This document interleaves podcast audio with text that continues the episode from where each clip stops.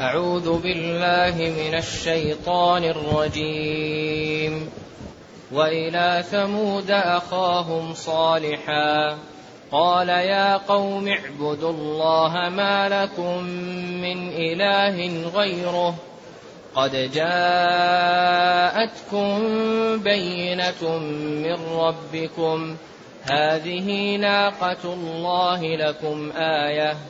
فذروها تأكل في تأكل. أرض الله. تأكل. فذروها تأكل في أرض الله ولا تمسوها بسوء فيأخذكم عذاب أليم.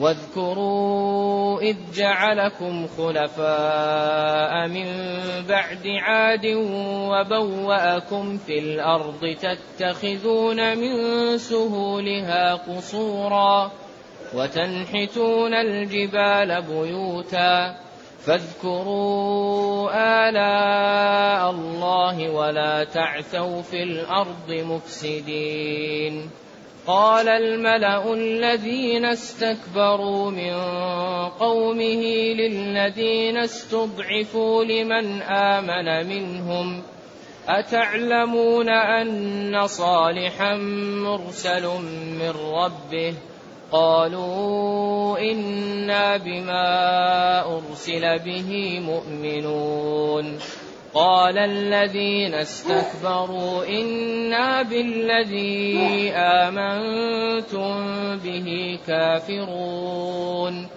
فعقروا الناقة وعتوا عن أمر ربهم وقالوا يا صالح ائتنا يا صالح ائتنا بما تعدنا إن كنت من المرسلين. فأخذتهم الرجفة فأصبحوا في دارهم جاثمين. فتولى عنهم وقال يا قوم لقد أبلغتكم رسالة ربي ونصحت لكم ولكن لا تحبون الناصحين. أحسنت. الحمد لله الذي أنزل إلينا أشمل كتاب. وأرسل إلينا أفضل الرسل وجعلنا خير أمة أخرجت للناس. فله الحمد وله الشكر على هذه النعم العظيمة والآلاء الجسيمة. والصلاة والسلام على خير خلق الله وعلى آله وأصحابه ومن اهتدى بهداه. أما بعد فإن هذه هي القصة الثالثة التي يذكرها الله في هذه السورة. أي وأرسلنا إلى ثمود أخاهم صالحا. كما قال وإلى عاد أخاهم هدى وإلى ثمود وأرسلنا إلى ثمود القبيلة ثمود. أخاهم في النسب صالحا نبي الله صالحا. أرسلناه إليهم قال لهم يا قوم اعبدوا الله ما لكم من إله غيره. اعبدوا الله ما لكم من إله غيره. كل الرسل متفقة على هذا الأمر. قد جاءتكم بينة من ربكم.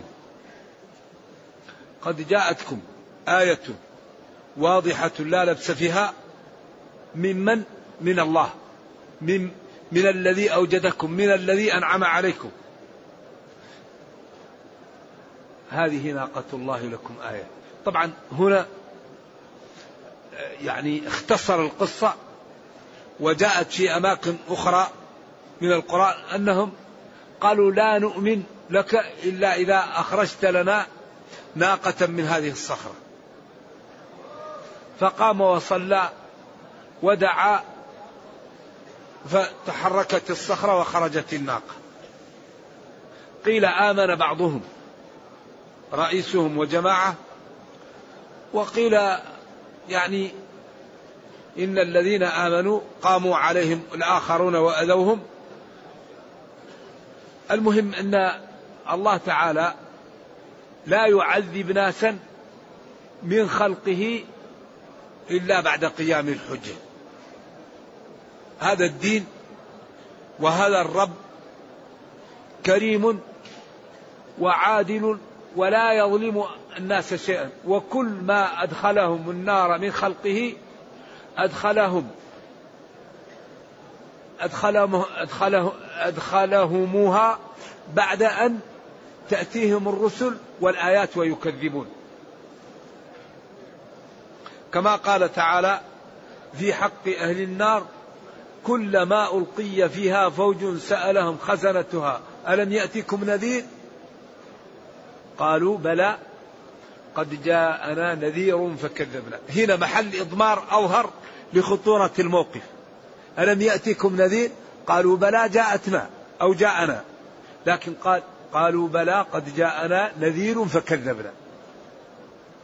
وقال وما كنا معذبين حتى نبعث رسولا. وقال جل وعلا رسلا مبشرين ومنذرين لئلا يكون للناس على الله حجة بعد الرسل. فهؤلاء أرسل الله لهم. يعني نبيا من جماعتهم ومن قومهم ويعرف لغتهم.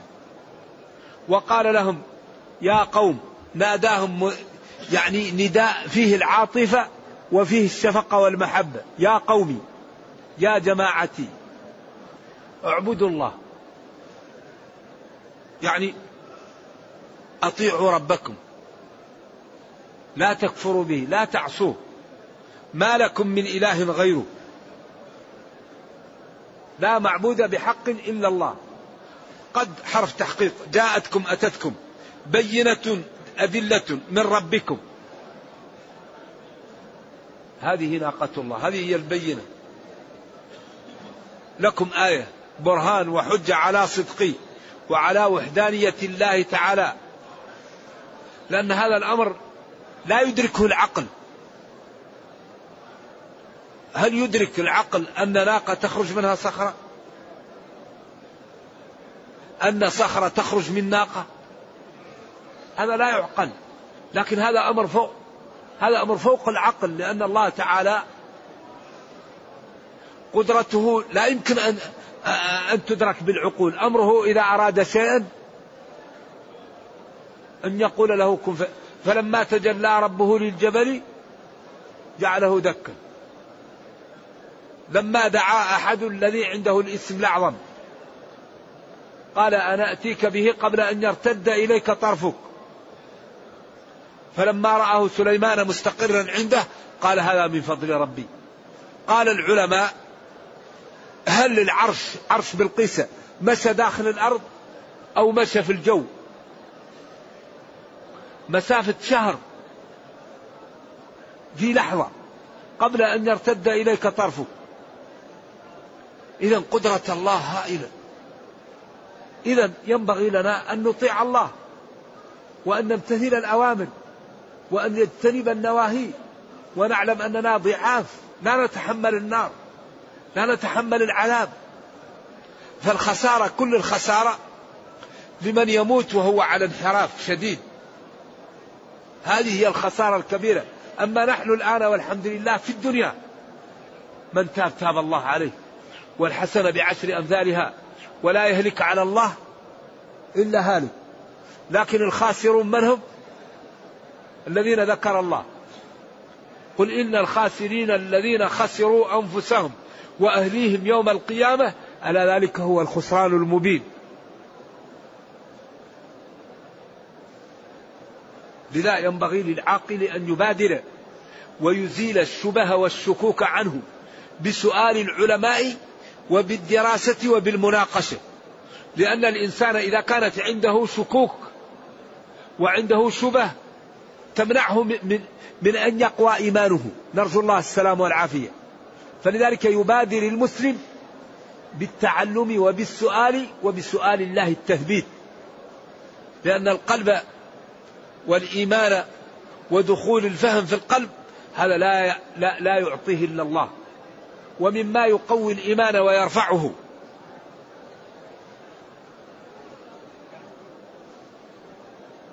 هو أن الإنسان لا يترك عنده إشكالات من غير أن من غير أن يزيلها لأن الإشكالات تأتي بالشبه والشبه تأتي بالشكوك والشكوك تضعف الإيمان. أما إذا كان المسلم إذا كان عنده إشكال جاء وحله ينصق للإيمان ويزيد. لذلك لما قال الصحابة لا لا يزال الشيطان يأتي للإنسان ويقول له من خلق من خلق؟ حتى يقول من خلق الله. قال أمسك. قال أوجدتموه وكل ما به يوسوس الشيطان والقلب يأباه هو الإيمان. أن الشيطان إذا جاك يوسوس لك تمسك هذا هو الإيمان. الله هو الخلق الكون. كيف الخالق يقال مخلوق؟ ذلك في أمور عجيبة. هو الخالق. الكون هو اللي أوجده. واجب واجب الوجود لأن الكون قائم به. يعز هذا ويذل هذا ويرحم هذا ويعذب هذا ويميت هذا ويحيي هذا. قائما بالقسط. لا إله إلا هو. لا تأخذه سنة ولا نوم. فلذلك يعني البصيرة بعظمة الله وبعلمه وبقدرته سبب لقوة الإيمان والبعد عن المعاصي. إذا قال ثمود قال لهم أخوهم صالح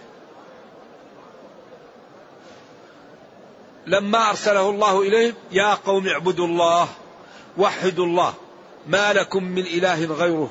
لا إله غير الله.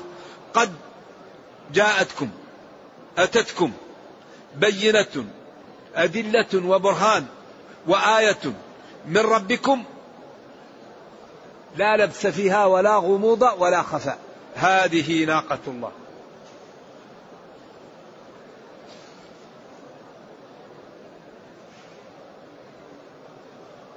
الناقة أكبر دليل ولذلك المعجزات لا بد أن تتوفر فيها أمور. أول شيء أن تكون خارقة للعادة. ثاني شيء أن تكون جالبة للسعادة. ثالث شيء أن تكون مقرونة بالتحدي. رابعا أن تكون مصحوبة بدعوى النبوة. كل المعجزات تكون خارقة للعادة. ما يقدر يعملها البشر. جالبة للسعادة لأنها تجلب للإيمان. مقرونة بالتحدي. يأتوا بمثله. وبصاحبة النبوة. قال لهم هذه ناقة الله. لكم برهان وحجة. قد جاءتكم من ربكم. هذه ناقة الله لكم آية فذروها تأكل في أرض الله. لما طلبوا أن تخرج الناقة خرجت. وطلبوا أن يكون لها عشراء فخرجت عشراء وولدت الفصيل. وكانت ناقة ضخمة. ولكنها كانت تشرب عليهم الماء الموجود في الواد يوم. كل ما في الواد من الماء تشربه. ولكن تحلم من الحليب مثل ما تشرب.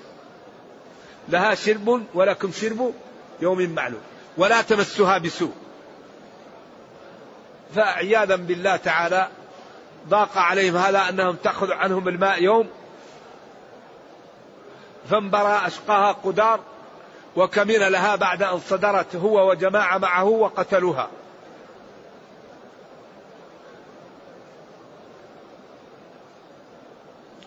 فلما قتلوها قال لهم تمتعوا في داركم ثلاثة أيام. وقيل أن الفصيل ذبحوه. وقسموا لحمه وأكلوه. وقيل الفصيل حن فتحركت له الناقة التي خرج من الصخرة التي خرج منها ودخل فيها. وهذه كلها روايات إسرائيلية. لا لا أعرف منها شيئا ثابت. إلا أن الناقة خرجت من الصخرة وكان لها شرب ولهم شرب وأنهم عقروها والله أهلكهم بسبب ذلك. ما في القرآن. أما ما في الإسرائيليات أغلبه لا يصح. هذه ناقة الله. لكم آية. علامة على صدقي وبرهان على وحدانية الله. فذروها اتركوها. تأكل في أرض الله. من الأشجار ومن الأعشاب. ولا تمسها بسوء. فإنكم إن فعلتم ذلك أخذكم ربكم بعذابه. فيأخذكم عذاب أليم. ولا تمسها بسوء. فإنكم إن مسيتمها بسوء يأخذكم ربكم بعذاب أليم. ثم أراد أن يشجعهم على امتثال هذا الأمر وعلى اتباعه وعلى البعد عن المعاصي والذنوب لما تسببه لأصحابها من الهلك والعطب. فقال جل وعلا واذكروا اذكروا بقلوبكم وبألسنكم إذ جعلكم خلفاء من بعد عاد تأملوا وتفكروا في نعم الله عليكم. حين جعلكم خلفاء من بعد عاد لما أهلكهم بالعصيان وبالمعاصي وبوأكم هيأ لكم في الأرض. أرض ثمود وهي الحجر وادي القرى الآن موجودة في العلا. تتخذون من سهولها قصورا. يعني الأرض فيها جبال وفيها سهول. محلات سهلة. فكانوا يبنون القصور فوجدوا أن القصور تتهدم لطول أعمارهم. فقالوا إذا أحسن نعمل بيوت مما لا من الحجارة. قال واذكروا إذ جعلكم خلفاء من بعد عاد لما أهلكهم وبوأكم في الأرض أرض ثمود وهي الحجر تتخذون من سهولها قصورا. يعني السهل يجعلون فيه بيوت. فهذه البيوت تجلس مية مئتين سنة تتكسر. صاروا ينحتون من الجبال بيوتا فارهين. وتنحتون من الجبال بيوتا لطول أعمالهم ولما أعطاهم الله من القوة والمنع والشدة. إذا هذه نعم ظاهرة. أولا أنه أنجاكم وجعلكم خلفاء بعد من أهلك وهم قوم عاد. ثانيا أعطاكم القوة وأعطاكم العافية والأمن حيث تبنون في السهول وتسكنون أيام الصيف أيام الشتاء وتنحتون من الجبال بيوتا في أوقات الحر الشديد وإيش؟ والبرد الشديد. وفي أوقات الاعتدال تنزلون إلى إيش؟ إلى السفوح. فاذكروا آلاء الله. اذكروا نعم الله عليكم ولا تعثوا في الأرض مفسدين. يعني تعثوا عاث في, في الأرض إذا أسرف في عمل السوء فيها. ولذلك مفسدين يمكن تكون ما نابع عن المطلق من تعثوا. أيوة. أو تكون حال مؤكدة في حال كونكم مفسدين. إذا هذا كلام صالح لقومه. يا قوم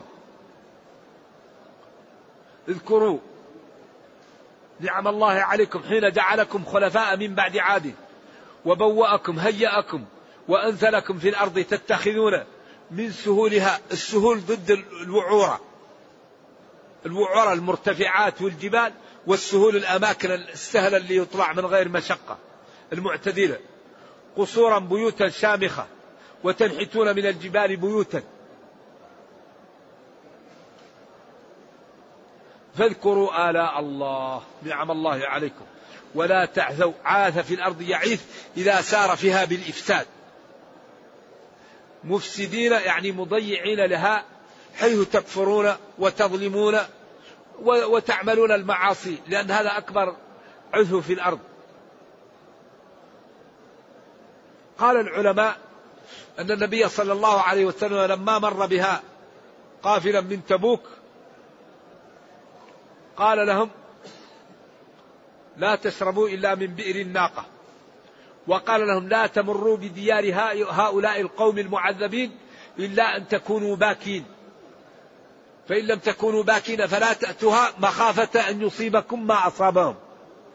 لذلك إذا ذهب شخص إلى هذه الأماكن لا بد أن يخاف ويبكي. لأن هؤلاء الذين عملوا البيوت من الأشجار من الحجارة إذا جاءها الإنسان يرى أنها كأنها نحتت اليوم والرسومات قائمة والكتابات قائمة وهي لها مئات السنين بل آلاف السنين. فلا يؤتى لها إلا إنسان خاشع باكي. فإن لم يكن باكي أو متباكي لا يأتيها. مخافة أن يصيبه ما أصابه وكانت فيها آثار عظامهم. وقبل سنوات جاءتها كلية الطب وأخذت بعض ما كان هناك. ولذلك الآن أماكن العذاب مسور عليها. لا لا تؤتى. إلا لمن يبكي ولمن يخاف وليعتبر أما يأتيها الإنسان للنزهة وللفسحة هذا خطر. وإنما تؤتى للاعتبار وللخوف ويأتيها الإنسان باكيا. نعم. لأنها محل غضب وعذاب. ولذلك هذه الأماكن يعني كون أنها تكون محل غضب أو تكون محل رحمة هذا تشريع من الله لا يقاس عليه لا نقال هذا محل غضب من غير ما يكون فيه نص ولا نقول هذا محل رحمة من غير ما يكون فيه نص لذلك تجد بعض الناس يقول لك العتبات المقدسة مقدسة من فين الت... أين أين النص أنها مقدسة؟ التقديس من الله ما هو من الأشخاص. إذا فضل المكان أو عدم فضله هذا من الله ما لا يكون. وكون المناخ جيد أو المناخ رديء هذا من الله. ولذلك تفضيل مكة فضلها الله لأنها جعلها مكان بيته. ولما قال عمر لابن عباس أنت الذي تقول إن مكة أفضل من المدينة؟ قال مكة بيت الله. قالوا أنت الذي تقول إن مكة أفضل من المدينة؟ قال مكة قبلة المسلمين. بعدين سكت عمر. أنت الذي تقول إن مكة أفضل من المدينة؟ قال مكة يحجها المسلمون. ويستقبلون البيت فيها. في النهاية سكت عمر. فالتفضيل هذا أمر شرعي. لا لا مجال للقياس فيه. لذلك يكون الأماكن فاضلة بتفضيل الله لها. وتكون الأماكن مفضولة بكون الله تعالى جعل غيرها أفضل منها. والله هو المشرع ولا يسأل عما يفعل. إذا الدين من الله. لا نأتي ونعمل زمزم ونعمل آه، كعبة ونطوف لها ونعمل هذا لا يجوز. الطواف ببيت الله. زمزم في مكة. طعام طعم وشفاء سقم. هذا البيت قال وليطوفوا بالبيت العتيق. وقال وأذن في الناس بالحج يأتوك رجالا. ما يقول أنا نعمل كعبة عندي أو نعمل زمزم عندي أو نعمل محل نطوف به وحج. هذا هذا لا يجوز. هذا يعني أقل ما فيه أن صاحبه مجنون أو إنسان كافر يشرع تشريع غير تشريع الله. والله قال ولا يش... التشريع لله إن الحكم إلا لله وأن بينهم بما أنزل الله. فلذلك لا تقاس العبادات لا تقاس وإنما تقاس أمور الدنيا. الزراعة الحدادة النجارة. أما العبادة جاءت من الله. الفجر ركعتين. نقول أنا نشيط ونصلي ركعة زائدة. العصر أربعا. المغرب ثلاثا. الفجر عندما يطلع الفجر. نصلي قبل طلوع الفجر. أو نؤخره. هذا هذا تشريع من الله. هذا دين الله. لذلك ينبغي لنا أن نفهم وكثير من الناس يقول لك هذا المحل مقدس. من قدسه؟ محل لم يعرف لم يبنى إلا بعد أن انتقل النبي صلى الله عليه وسلم إلى الرفيق الأعلى وصحابته يمكن في القرون المتأخرة. يبنوه يقولوا هذا مكان مقدس. مقدس من قدسه؟ بعدين القبور تزار لغرضين. الذي يذهب للقبور ويدعوهم هذه مشكلة. القبور تزار لغرضين للاتعاظ والدعاء لها. تزار القبور لغرضين فقط. أن يتعظ المسلم ويعلم أنه سيوضع في هذا المكان فيخاف ويبتعد عن المعاصي ويجد في الطاعة. الأمر الثاني أن يدعو لهذا المسلم الذي قبر وشاهد الحقيقة وكفت أيديهم عن العمل. ولذلك قال كنت نهيتكم عن زيارة القبور. ألا فزوروها فإنها تذكر الآخرة أو تذكر الموت. ولما جاءها قال السلام عليكم أهل الديار من المؤمنين وإنا إن شاء الله بكم لاحقون. يغفر الله لنا ولكم. السلام عليكم يغفر الله لنا ولكم. ما قال زوروها لتدعوها. ما قال زوروها لتنالوا منها البركة. ما قالوا زوروها لتشفع لكم. فلذلك الأمة المسلمة تحتاج أن تنتبه لدينها. الله قال أمن خلق السماوات والأرض. وقال أمن يجيب المضطر إذا دعاه قال قل الحمد لله وسلام على عباده الذين اصطفى. آه الله خير مما تشركون. أمن خلق السماوات والأرض وأنزل لكم من السماء ماء فأنبتنا به حدائق ذات بهجة. حدائق ذات بهجة. ما كان لكم أن تنبتوا شجرها. أإله مع الله بل هم قوم يعدلون. أمن جعل الأرض قرارا وجعل خلالها أنهارا وجعل لها رواسي وجعل بين البحرين حاجزا أإله مع الله بل أكثرهم لا يعلمون. ثم قال وهو محل الشاهد أمن يجيب المضطر إذا دعاه. أمن يجيب المضطر إذا دعاه. لاحظوا معي. أمن يجيب المضطر إذا دعاه ويكشف السوء ويجعلكم خلفاء الأرض. هذه الثلاثة المسلمون يطلبها من الأولياء ومن الأموات. لكن ما في واحد يقول أن الأرض خلقها غير الله ولا الجبل خلقه غير الله.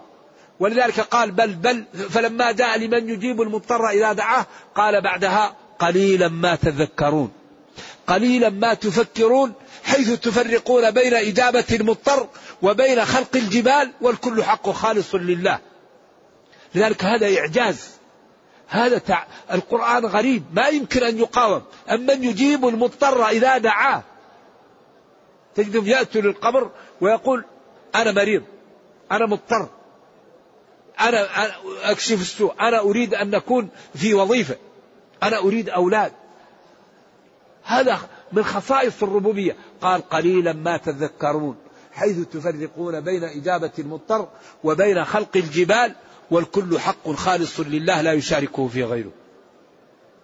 إذا لا يجوز أن يدعى إلا الله ولا يجوز أن يجعل محل مقدس إلا إذا قدسه الله ولا يجوز أن يطاف إلا بمكان أباح الله فيه الطواف.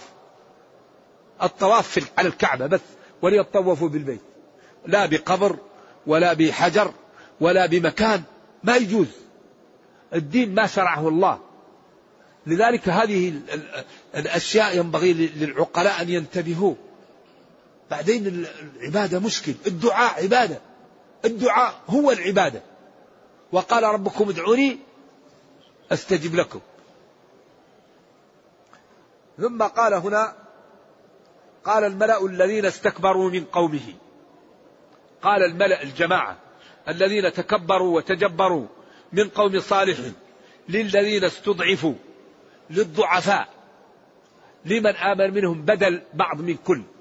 لأن من آمن منهم هو بعض من المستضعفين. لأن بعض المستضعفين آمن وبعضهم بقي كفار. قال الملأ هؤلاء الذين استكبروا من قوم صالح للذين استضعفوا لمن آمن منهم. أتعلمون أن صالحا مرسل من ربه من باب يعني الإنكار عليهم أو سؤالهم. قالوا إنا بما أرسل به مؤمنون. نعم. نحن مؤمنون به ومصدقون ونعلم أنه صالح وأنه رسول وأن ما جاء به لا يمكن أن يأتي به إلا رسول. قال الذين استكبروا إنا بالذي آمنتم به كافرون. قال هؤلاء المتكبرون للمستضعفين من المؤمنين إنا بالذي آمنتم به كافرون. كفروا بصالح وكفروا بالله ثم فعقروا الناقة. الفاء للإيماء للعلة. فلعلة كفرهم عقروا الناقة. وعتوا عن أمر ربهم. وقالوا يا صالح ائتنا بما تعدنا إن كنت من المرسلين. سوف أعوذ بالله كيف؟ لذلك من يضله الله فلا هادي له. نرجو الله السلام والعافية. إذا تحدوا وكفروا وعقروا الناقة. إذ انبعث أشقاها قدار ومشوا معه قالوا إنهم جاءوا لكل بيت أترضوا بعقل الناقة؟ يقول نعم المخدرات يأتوها في بيوتها ويقول يأتينها في بيوتهن ويقولن أترضون بعقل الناقة؟ قالوا نعم نعم. فلما اتفقوا قام قدار هذا وعقرها. وعتوا تجبروا عن أمر ربهم وقالوا يا صالح ائتنا بما تعدنا. إن كنت من المرسلين فأتنا بما تعدنا. فأخذتهم الرجفه أخذتهم الصيحة وهلكوا عياذا بالله قاطبة. ولذلك كأنهم أعجاز نخل منقعد. جاثمين كل واحد جاثم على وجهه كالطير قال جاءتهم الصيحة وجاءتهم الرياح وترفع الواحد إلى السماء ثم ترميه على وجهه. فتولى عنهم رجع عنهم صالح وقال لهم يا قوم لقد أبلغتكم رسالة ربي ونصحت لكم ولكن لا تحبون الناصحين لقد بينت لكم ووضحت لكم ولكن أنتم لا تحبون الناصحين وقيل قال لهم هذا بعد أن ماتوا كما قال النبي صلى الله عليه وسلم لأصحاب القليب نحن وجدنا ما وعدنا ربنا حق. فهل وجدتم ما وعد ربكم حقا؟ قال, قال قالوا كيف تكلمهم وقد جيفوا؟ قال ما أنتم لأسمع منهم لما, لما أقول ولكن لا يجيبون. واختلفوا هنا. هل الموتى يسمعون أو لا يسمعون؟ وهل سماعهم مستمر أو أوقات؟ في الجملة لهم سماع. لأنه قال إن الميت لا يسمع قرع نعاله وقال فيأتيانه فيقعدانه ويقولان له ما كنت تقول في هذا النبي. وعياذا بالله القبر إما روضة من رياض الجنة أو حفرة من حفر النار. ولذلك أول منازل القيامة القبر. وهذه القصة التي ذكرها الله لنا في هذه السورة عن هؤلاء الرسل وأممهم هي للاعتبار. لكي تعتبر الناس بها وكل واحد ينتبه ولا يكون يعني عاصيا لربه بعيدا عن طاعة الله. فإن الله تعالى كريم وغني ولا تخفى عليه خافية.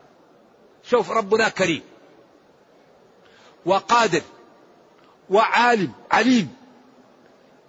يعني ما يفكر العبد في شيء إلا الله يعلمه.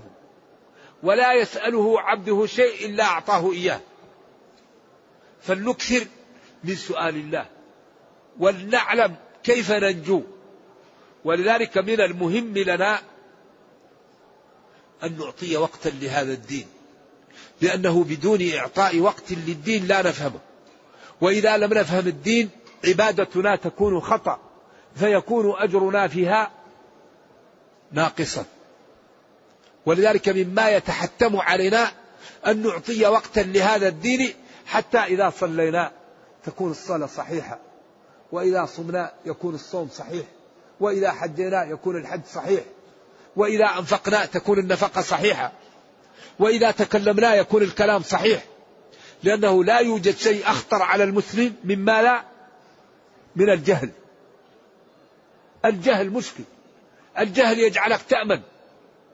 الجهل يجعلك لا تخاف والذي لا يخاف لا يعمل. أما من خاف إيش؟ أدلز ومن أدلز وصل.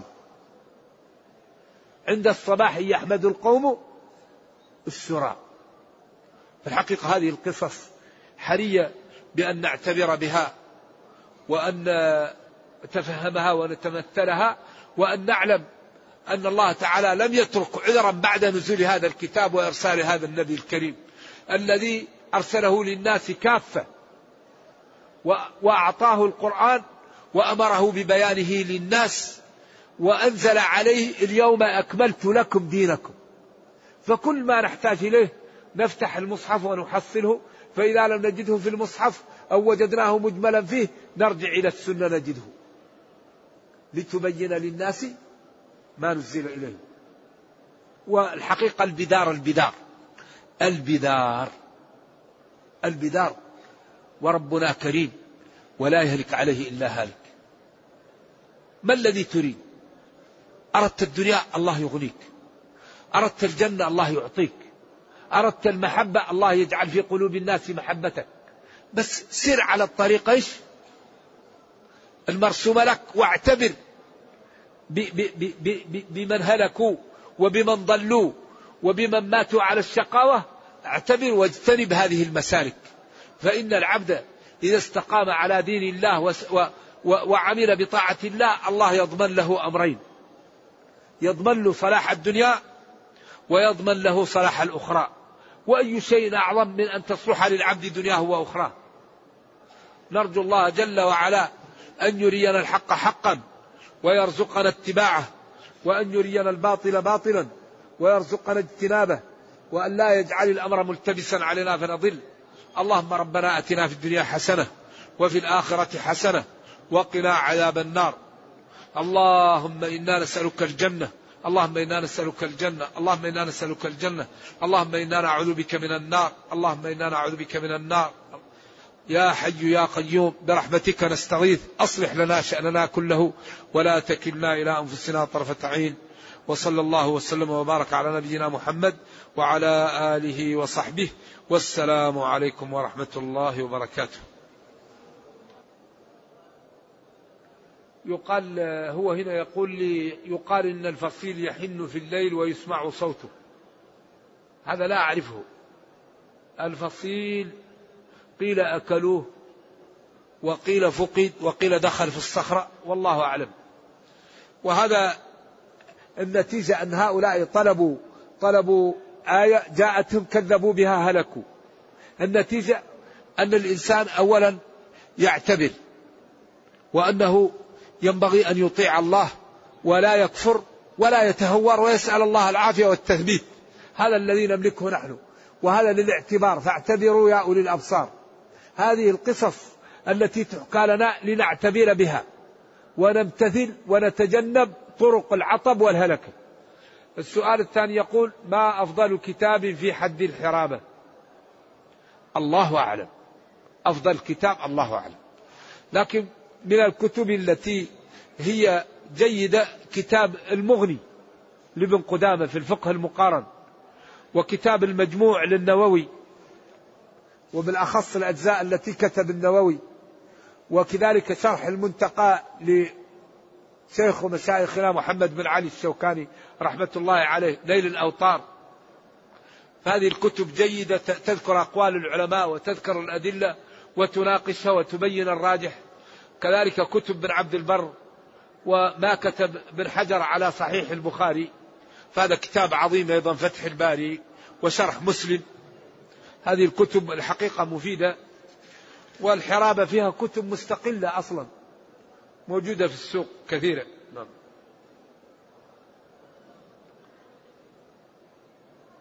يقول بين لنا في القدر والإيمان بالقدر. هذا السر يعطيها الله لمن وفقه. القدر تعلم أن كل ما في الكون مكتوب. ما أصاب من مصيبة في الأرض ولا في أنفسكم إلا في كتاب من قبل أن نبرأها. كل شيء مكتوب مختوم عليه. إذا نفخ فيه الروح يأتي الملك ويكتب أربع كلمات شقي أو سعيد. فالقدر صدق ولذلك لما استدل الكفار بالإرادة الشرعية على الإرادة الكونية كذبهم الله.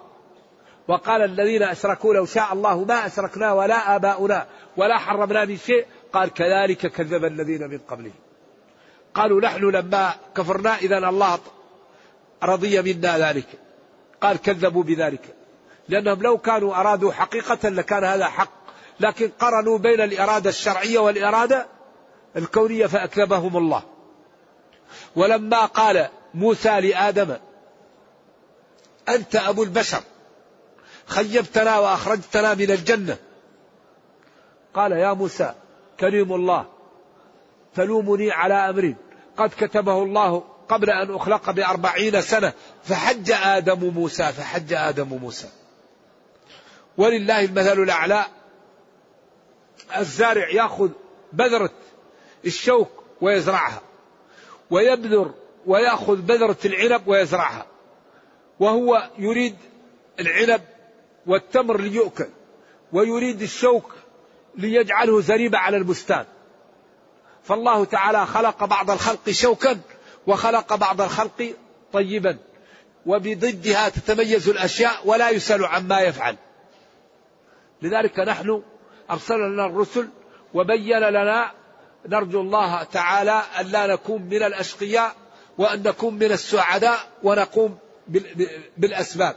والعبد لا يعلم ما لا كتب له حتى يترك العمل. إن الرجل لا يعمل بعمل أهل الجنة فيما يبدو للناس. حتى لا يبقى بينه وبينها إلا ذراع فيسبق عليه القلم فيعمل بعمل أهل النار فيدخلها. والحديث في البخاري وفي غيره. وإن الرجل لا يعمل بعمل أهل النار فيما يبدو للناس. حتى لا يبقى بينه وبينها إلا ذراع فيسبق عليه القلم فيعمل بعمل أهل الجنة فيدخلها.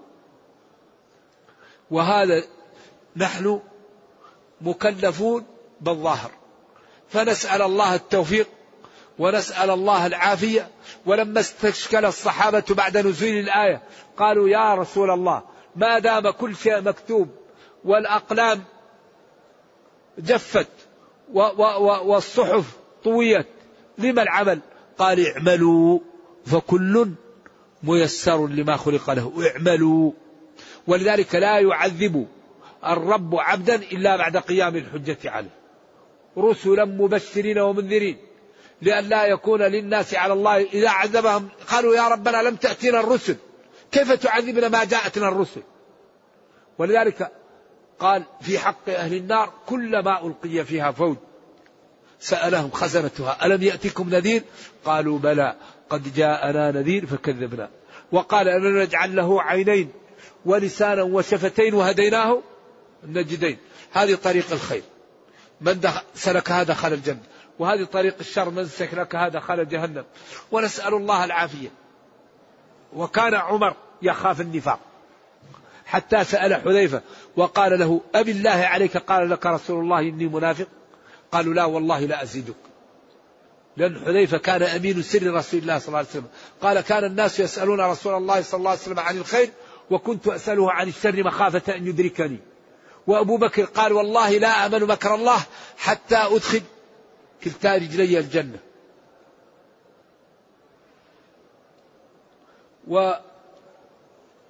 والذهبي في ترجمة الإمام الثوري قال إنه لما كبرت سنه كان يكثر البكاء. فقيل له يا إمام لم تبكي؟ وأنت على عبادة وعلى خير وعلى طاعة. قال أنا لا أخاف من ذنوبي. قال مما تخاف؟ قال نخاف أن يؤخذ إيماني قبل أن نموت. نخاف أن يسلم مني الإيمان قبل أن نموت. وهذا المخيف. أيوة الإنسان لا يدري. لذلك الإنسان يسأل الله التثبيت. ويسأل الله العافية لأن القلب بين أصبعين من أصابع الرحمن يقلبه كيف شاء. ف فالعبد لا يدري عياذا بالله الواحد ينتكس. لذلك ينبغي أن يترك الإنسان كلام الحرام وأكل الحرام والنظر للحرام وسماع الحرام لأن هذه موارد العطب. لأن الحرام يسبب يسبب قسوة القلب وقسوة القلب تسبب الخمول عن عدم الطاعة وعدم الطاعة يسبب كلها أمور تجر لأمور حتى الإنسان عياذا بالله يهلك. وقد يخاف صاحب العصيان عند الممات سلب الإيمان. أكثر ما يسلب الإيمان أصحاب المعاصي. نرجو الله السلام والعافية.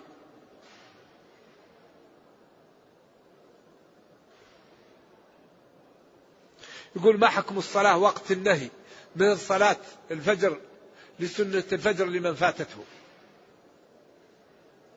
هذا في عام وخاص من وجه.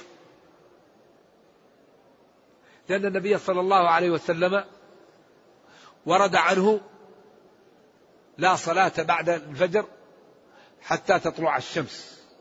وقال وفي, وفي الرواية الأخرى لا تصلوا حتى ترتفع الشمس قيد رمح. وقال لا صلاة بعد العصر حتى تغرب الشمس. وورد عن النبي صلى الله عليه وسلم أنه قال يا بني هاشم لا تمنعوا أحدا طاف في هذا البيت ساعة من ليل أو نهار أن يصلي. وورد عن النبي صلى الله عليه وسلم أنه رأى رجلا يصلي بعد الفجر ركعتين قال آه الصبح أربعا. قال لا وإنما عجلتني الفريضة قبل أن نصلي ركعتي الفجر فصلاهما فأقره وسكت.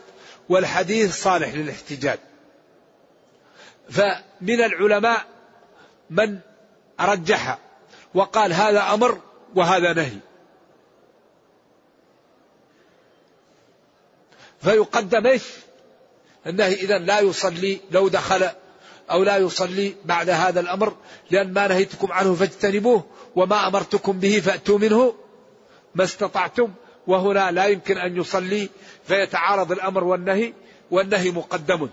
وهذا رأي مالك وأبي حنيفة والرواية المشهورة لأحمد. القول الثاني للشافعي وجمع بين القولين. قال إن ذوات الأسباب خارجة عن النهي.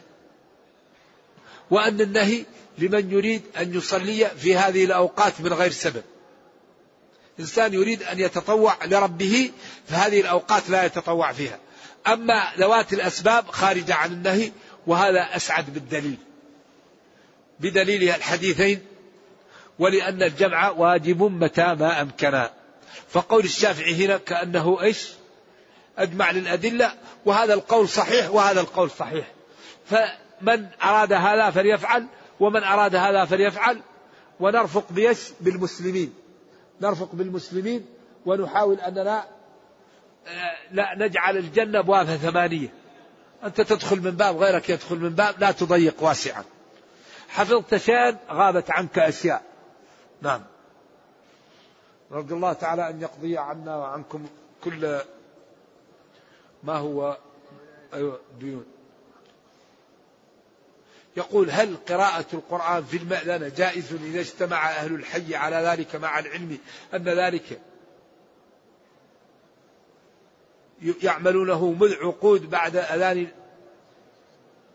الصبح وقبل الصلاة لمدة عشر دقائق تقريبا. قراءة القرآن طيبة لا ما فيها إلا خير. لكن النبي صلى الله عليه وسلم ما كان يفعل هذا.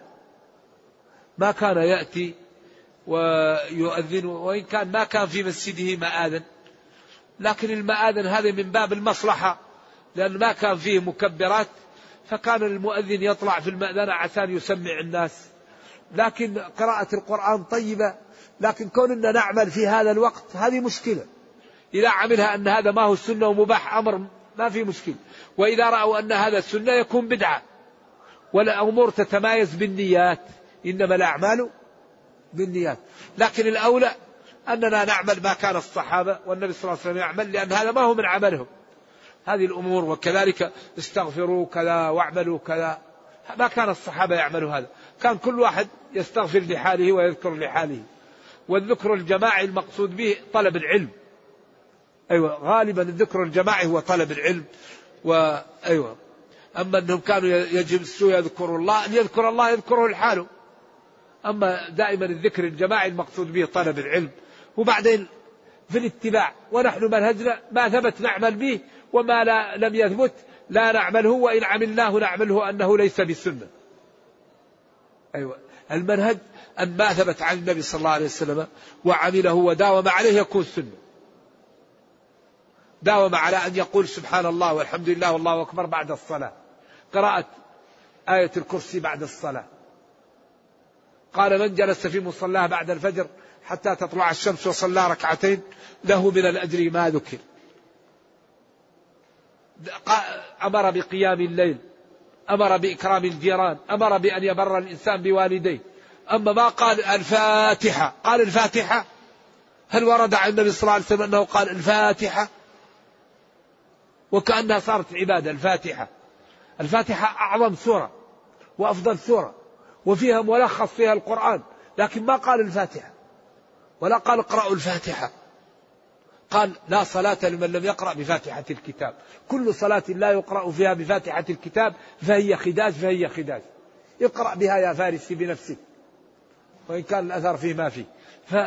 فالفاتحة هذه مشكلة. بعدين التجمع وجعل هذا السنة وكل من مات نتجمع له ونجعل له الشموع. من أين هذا؟ الدين ما جاء من عند الله. اتبعوا ما أنزل إليكم. لذلك البدع مشكلة. البدع مشكلة ولذلك البدع تكون إحداث شيء في الدين على غير مثال سابق. البدع لا تكون إلا في الدين. ويأتي الشيطان للناس ويقول لهم كيف هذا يمنعكم من أن تقرأوا القرآن؟ اقرأوا القرآن بطريقته. صلوا بطريقة الصلاة. اذكروا بالطريقة الواردة. واحد يأتي بصلاة من نفسه ويقول تعدل ستين كذا ختمة للقرآن. واحد يقول جاءني يقظة لا مناما. الرسول وأعطاني عيب عيب هذا هذا نوع من الضلال المبين. الرسول صلى الله عليه وسلم قتل عمر في المحراب ولم يأتهم وذبح عثمان يقرأ المصحف ولم يأتهم وصلب عبد الله بن الزبير ولم يأتهم وأبيحت الحرة ولم يأتهم وفي القرن الثالث عشر يذهب إلى أقصى الدنيا ليعطي صلاة الفاتح ويقول إيش هذا؟ ويقول تعدل كذا ختم للقرآن. هذا عيب هذا عيب. هذا نوع من الضلال لا يعقل هذا. وبعدين يقول يقضى لا مناما. طيب كيف يقول اليوم أكملت لكم دينكم؟ ويقول هذا يعدل خت... ثلاثين ختمة للقرآن أو كذا ألف ختمة للقرآن. نرجو الله السلام والعافية. يعني نوع لا ي... هذا لا ي... الإنسان يستعمل عقله يا أخي. كيف يقوي الإنسان يقينه في ظل هذه الحياة المادية. يقوي يقينه بالذكر والاستغفار وبممارسة الطاعة وبسؤال الله. لأنه الله ولكن الله يمن على من يشاء. من أطاع الله؟ الله يكرمه. ومن يتق الله يجعل له مخرجا. قال ابن إسحاق منفذا من كل ضيق. هذا سيأتينا هذا السؤال عن هل يجوز للرجل أن يتمتع بزوجه من قبل دبرها؟ من غير علاج هذا المكان ليس محل. المرأة كلها يتمتع بها الرجل. ولكن الحرث في مكان الحرث وما ورد عن بعض الصحابة ونصره بعض الناس هذا باطل بالأدلة. ملعون من أتى أهله في دبرها. والله قال نساؤكم حرث لكم فأتوا حرثكم. أن شئتم إذا كان في مكان الحرث. مقبلة أو مدبرة واقفة مستلقية على جنبها في مكان في صمام الحرث. أما هذا محل وسخ ليس محل الحرث وملعون من فعله. والأحاديث الصحيحة في هذا وغير هذا باطل باطل لا يجوز. هذا المكان يبعد عنه. أيوة لا لا يؤتاه لأنه قذر ونجس ومحرم. نعم. يقول هل يجوز لي أن أخذ شيئا؟ ما في الحرم في مكة وهل يجوز لي أن نبدله بشيء آخر. لا لا. مكة والمدينة والحرم خاصة إذا رأيت شيء فيه اتركه عنك يأخذ غيرك. إلا إذا كنت تريد أن تعرف وتجلس يعني لقطة الحرم تترك ما يأخذها الواحد. خليها في الحرم حتى يأتي صاحبها ويحصلها. أما خارج الحرم أنت تعرفها على الأحكام المعروفة. هل يجوز أن نأخذ جوال واستبدله بغيره؟ لا تأخذ جوال ولا تأخذ قلم. أترك هذا ولا تستبدله بغيره. أترك أمور الناس وبالأخص في الحرم. ابتعد عن هذا. نرجو الله لي ولكم التوفيق.